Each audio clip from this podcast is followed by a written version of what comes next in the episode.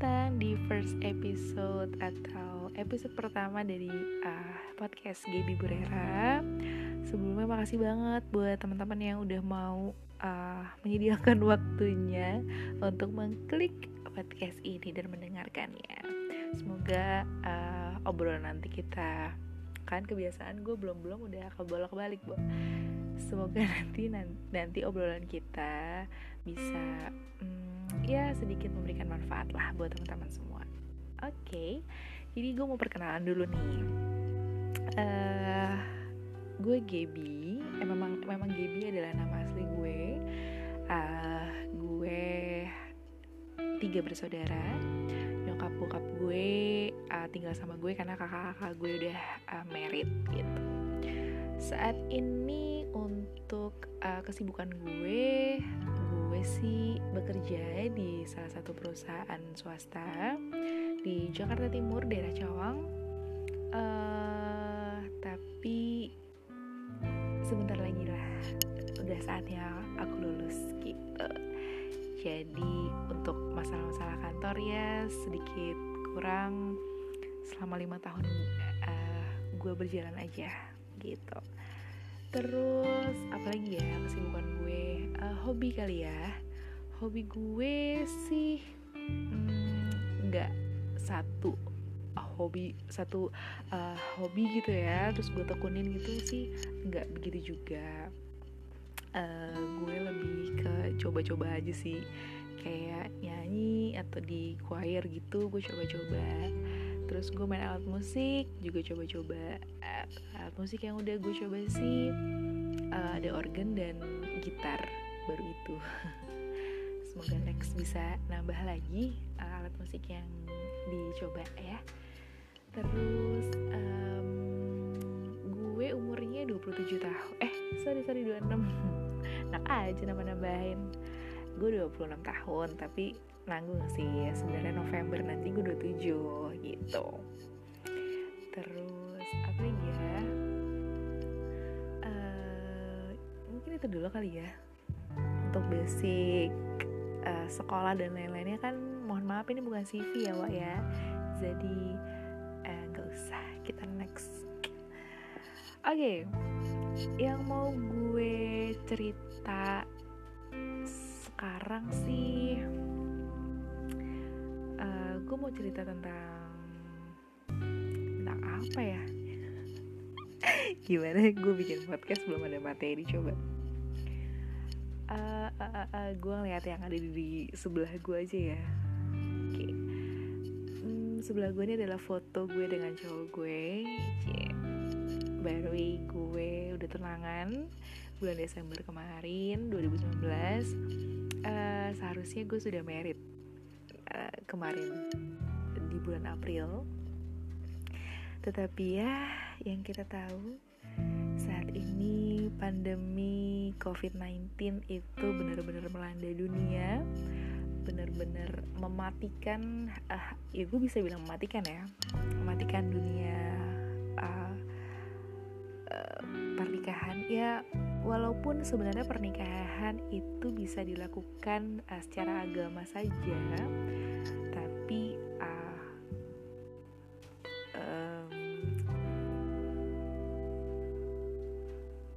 tapi gue mau ada tetap ada resepsi gitu. Oke okay, gue ceritain aja dari awal ya. Jadi gue ketemu sama cowok gue itu di uh, gereja. Kebetulan saya Katolik dan saya dan pasangan saya juga Katolik.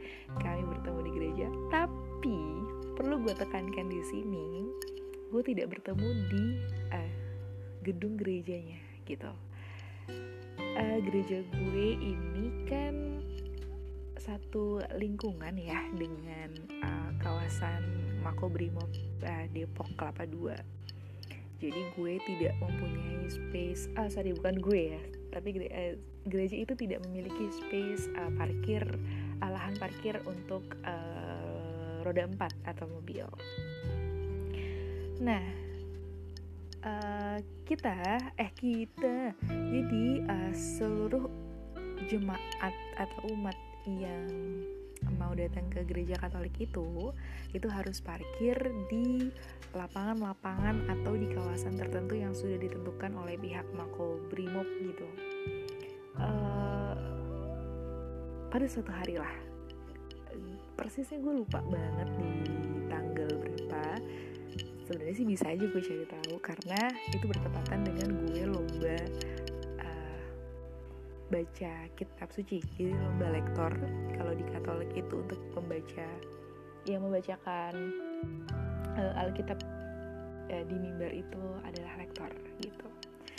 Jadi gue lomba lektor perwakilan dari uh, lingkungan. Jadi masing-masing lingkungan itu uh, mengirimkan satu orang untuk lomba lektor Nah dari lingkungan gue itu mengirimkanlah gue datang aja cukup cukup cukup ke sana. Ya gue nating tulus aja sih. Kalau misalnya menang ya udah kalau kalah juga ya udah gitu. Gue gak berharap banyak. Uh, singkat cerita itu gue mulai lomba jam 10 pagi. Terus uh, jam 8 paginya sebelum lomba itu dimulai itu memang ada jadwal uh, ibadah gitu.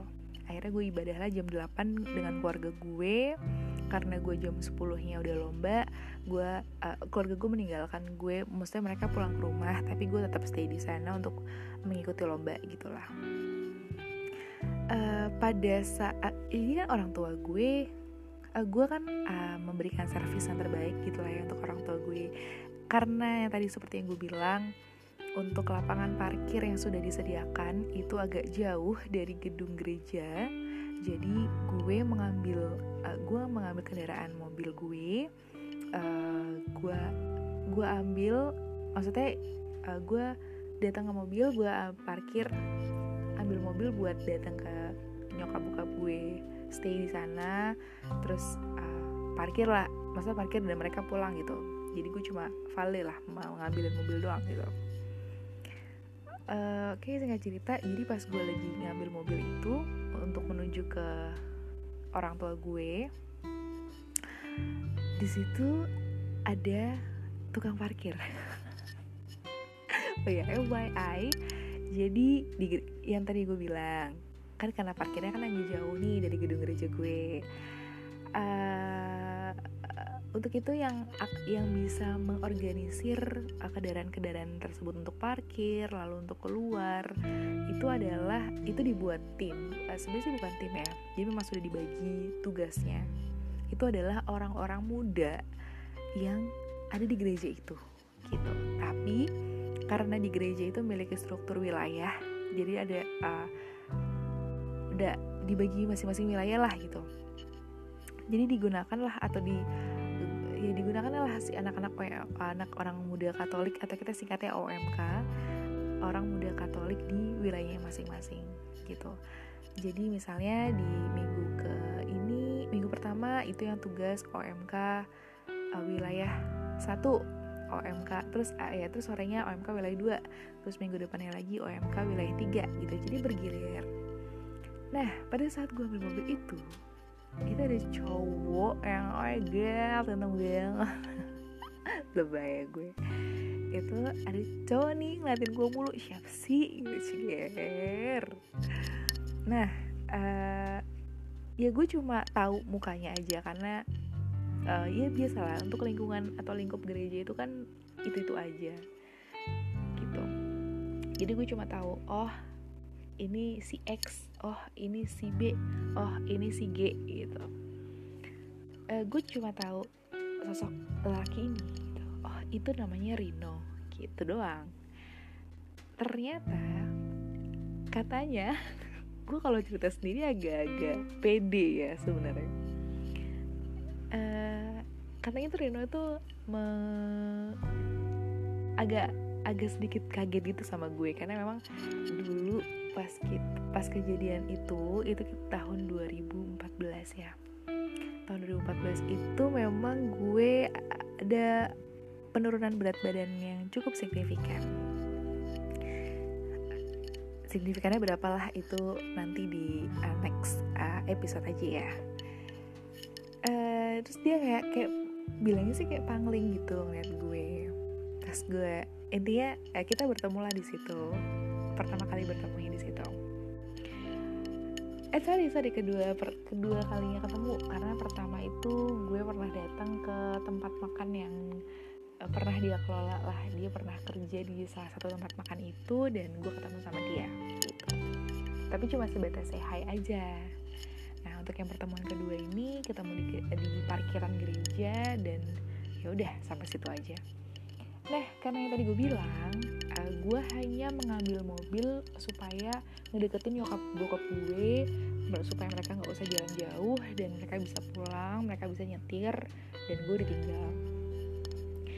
Uh, pada saat gue serah terima kendaraan, serah terima kunci gitu ya dengan nyokap bokap, uh, ternyata dia itu juga naik ke atas. Jadi posisinya uh, gue menghampiri orang tua gue dan orang tua gue ini ada ber, uh, posisinya berada di uh, atas uh, jalanan atau di di gedung itulah intinya di gedung gereja itu. Uh, ternyata Rino ini naik ke atas juga gitu dan kita bertemu lagi di sana. Uh, karena temannya Rino temannya gue juga dia minta nomor dia minta nomor gue ke uh, teman gue ini. Perantarain namanya Yosef. Ya Sef kalau dengerin ini thank you karena sudah membantu. Oke okay, next. Terus hmm, akhirnya yaudah gue lomba bla bla bla bla bla. Dan di hari yang sama itu juga uh, pengumumannya juga di hari yang sama gitu. Ternyata gue juara satu guys. Gue juara satu terus uh, itu kan uh, sedikit banyak uh, banyak ya untuk pesertanya yang ikut lomba lektor itu. Dan karena banyak dan membutuhkan cukup uh, dan memakan waktu banyak juga ternyata dia nungguin gue sampai selesai cuy. Si Rino asli ya udahlah intinya di situ adalah perkenalan gue pertama kali. Dia ngelihat gue lomba bener-bener nontonin gue dari bangku uh, jemaat gitu dari belakang. Dan bla bla bla bla bla bla itu di bulan apa ya? Seingat gue Juni lah. Juni atau oh sorry sorry. Agu, Juli atau Agustus deh seingat gue. Terus akhirnya malam harinya tuh bener-bener gue terima uh, line chat dari dia dan akhirnya kita uh, intens untuk berkomunikasi sejak saat itu. Akhirnya di tanggal 28 September 2014 uh, dia nembak gue hihiu dia nembak gue di rumah dan oke okay, we're officially uh, pacaran lah gitu dan makin ke sini makin ke sini makin ke sini kita makin yakin lah satu sama lain. Kalau masalah uh, konflik atau apalah itu pasti ada lah ya setiap pasangan. Bahkan mau yang udah nikah berapa tahun pun itu pasti ada konflik gitu. Jadi gue gak terlalu membawa membahas untuk uh, konflik negativity atau apa. Uh, gue hanya ingin menjelaskan saja runutan. Sampai akhirnya gue memutuskan untuk menikah. Uh, oke okay, terus di bulan uh, gue agak lupa sih sekitar Januari 2019 kalau tidak salah. Ya. Akhirnya Rino melamar gue. Dia bilang kalau uh, orang tuanya itu mau datang ke rumah gue gitu. Aku senang sekali dan di bulan Januari tanggal 20 akhirnya mereka uh, uh, keluarganya Rino datang orang tua dan kakaknya datang. Kita ngobrol-ngobrol dan um, kita memutuskan tanggal eh sorry uh, 1 Desember. Um, Rino sorry I forgot.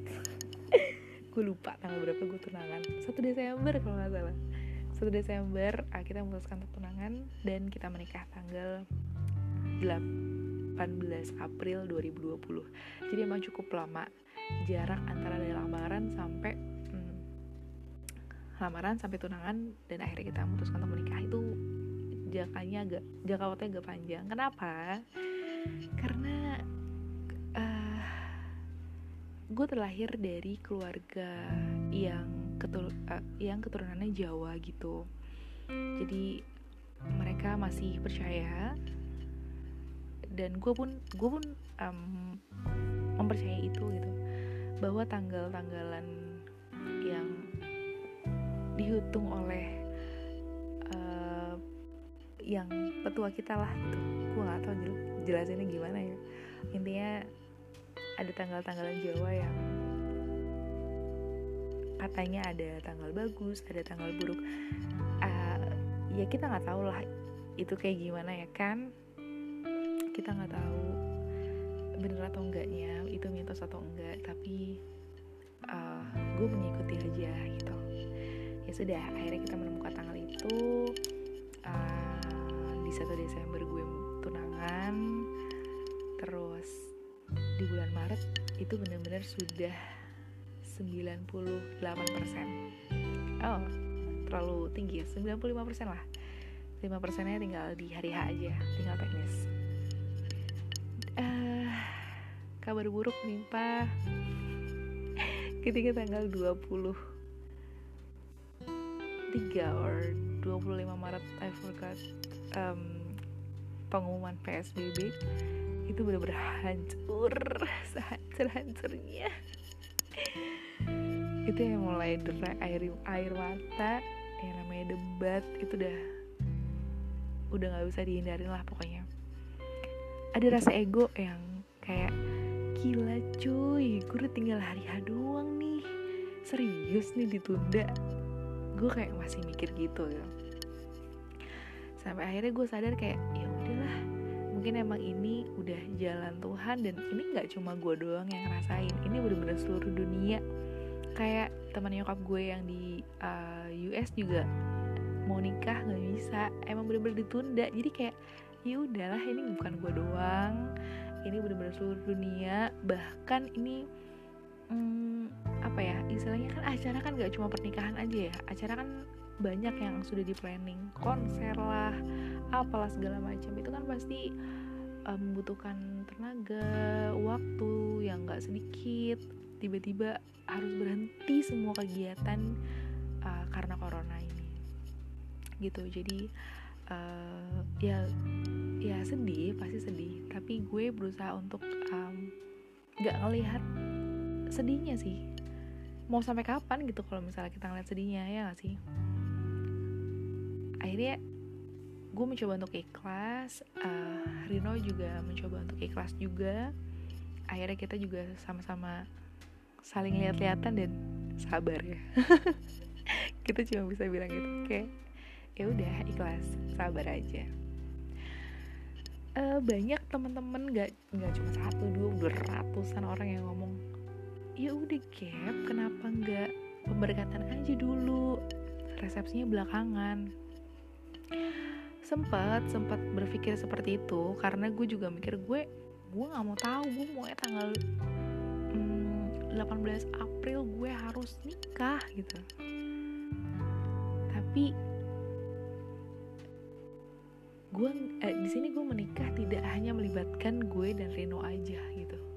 Sebenarnya bisa aja kalau misalnya keluarga gue nggak usah ikut gitu. Gue tetap maksain di tengah pandemi uh, gue berdua nikah gitu. Tapi kan ini kan gak cuma kita berdua doang. Pasti ada keterlibatan uh, tim-tim atau orang-orang lain yang membantu untuk uh, melancarkan pernikahan kita berdua gitu. Nah akhirnya ya udah akhirnya dengan segala pertimbangan kita memutuskan untuk uh, menunda event itu pemberkatan sekalipun gitu. Dan kita juga ya selagi bisa sabar maksudnya gini ya udah kita sabar aja. Kita sabar menahan semua hawa nafsu gitu istilah kata ya kita tahan dan uh, kita jalanin aja dulu masa-masa pacaran lagi. Hmm, dan kita kan juga udah sayang ya maksudnya untuk teman-teman yang udah mengorbankan waktu tenaga biaya untuk acara pernikahan kami tiba-tiba ditunda atau dibatalkan atau itulah. Gitu. Jadi kita juga memikirkan perasaan-perasaan teman-teman kita keluarga kita kita harus kita harus sabar. Ya gitu sih. Intinya semua berjalan sudah sesuai rencana tapi kalau Tuhan tidak menghendaki ya kita mau bilang apa ya kan? Gitu. Udah semua bro. Kayak undangan souvenir. Uh, eh, gue kan pakai adat full ya di, di di di gedung gue eh sorry di rumah. Jadi satu hari sebelum uh, acara resepsi dan pemberkatan itu ada acara adat di rumah gue. Itu yang namanya tukang tenda tukang tumpeng tukang cendol apa lagi ya segala vendor itulah semuanya. Dekorasi di di mana namanya uh, sound system kayak gitu gitulah hal-hal perintilan perintilan yang uh, gue emang gue kan nggak pakai io maksudnya WO gue hanya bekerja di pada saat resepsi aja. Jadi pada saat adat itu bener-bener gue memiliki panitia khusus yang hmm, memang bisa in charge di sana. Ya udah jadi udah bener-bener udah. Ya, yang tadi gue bilang lah 95% tapi ya udah nggak apa-apa nggak nggak apa-apa serius nggak apa-apa. Kayak nggak apa-apa tapi nangis. Ya gitu deh pokoknya singkat cerita tentang hmm, perjalanan cinta cie. Perjalanan cinta dengan babang Rino. Abang Rino kalau saya bilang mundur-mundur ya cie. apa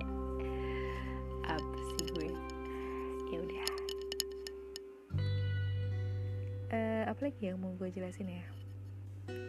Oh ya jadi rencananya uh, untuk pernikahan kita akan diundur jadi tahun depan 2021 lama banget guys. Jadi akan diundur 2021 untuk tanggal dan tempatnya. Nanti akan diinformasikan kalau sudah dekat ya. Jadi ditunggu aja. Mungkin sebelum uh, nikah atau sesudah nikah nanti gue akan tetap bikin podcast. Jadi teman-teman semua bisa uh, update lah untuk kelanjutannya gimana. Gitu. Oke okay, kira gue rasa uh, itu dulu. Gue rasa itu cukup untuk saat ini untuk episode pertama ini. Cukup panjang ya ternyata nanti kalau misalnya memang gue mau sharing-sharing lagi ini sebenarnya kayak kayak diary gak sih? Kalau zaman dulu diarynya ditulis ini tuh diomongin aja kerekam terpublish tapi oke lah see you next uh, podcast. Bye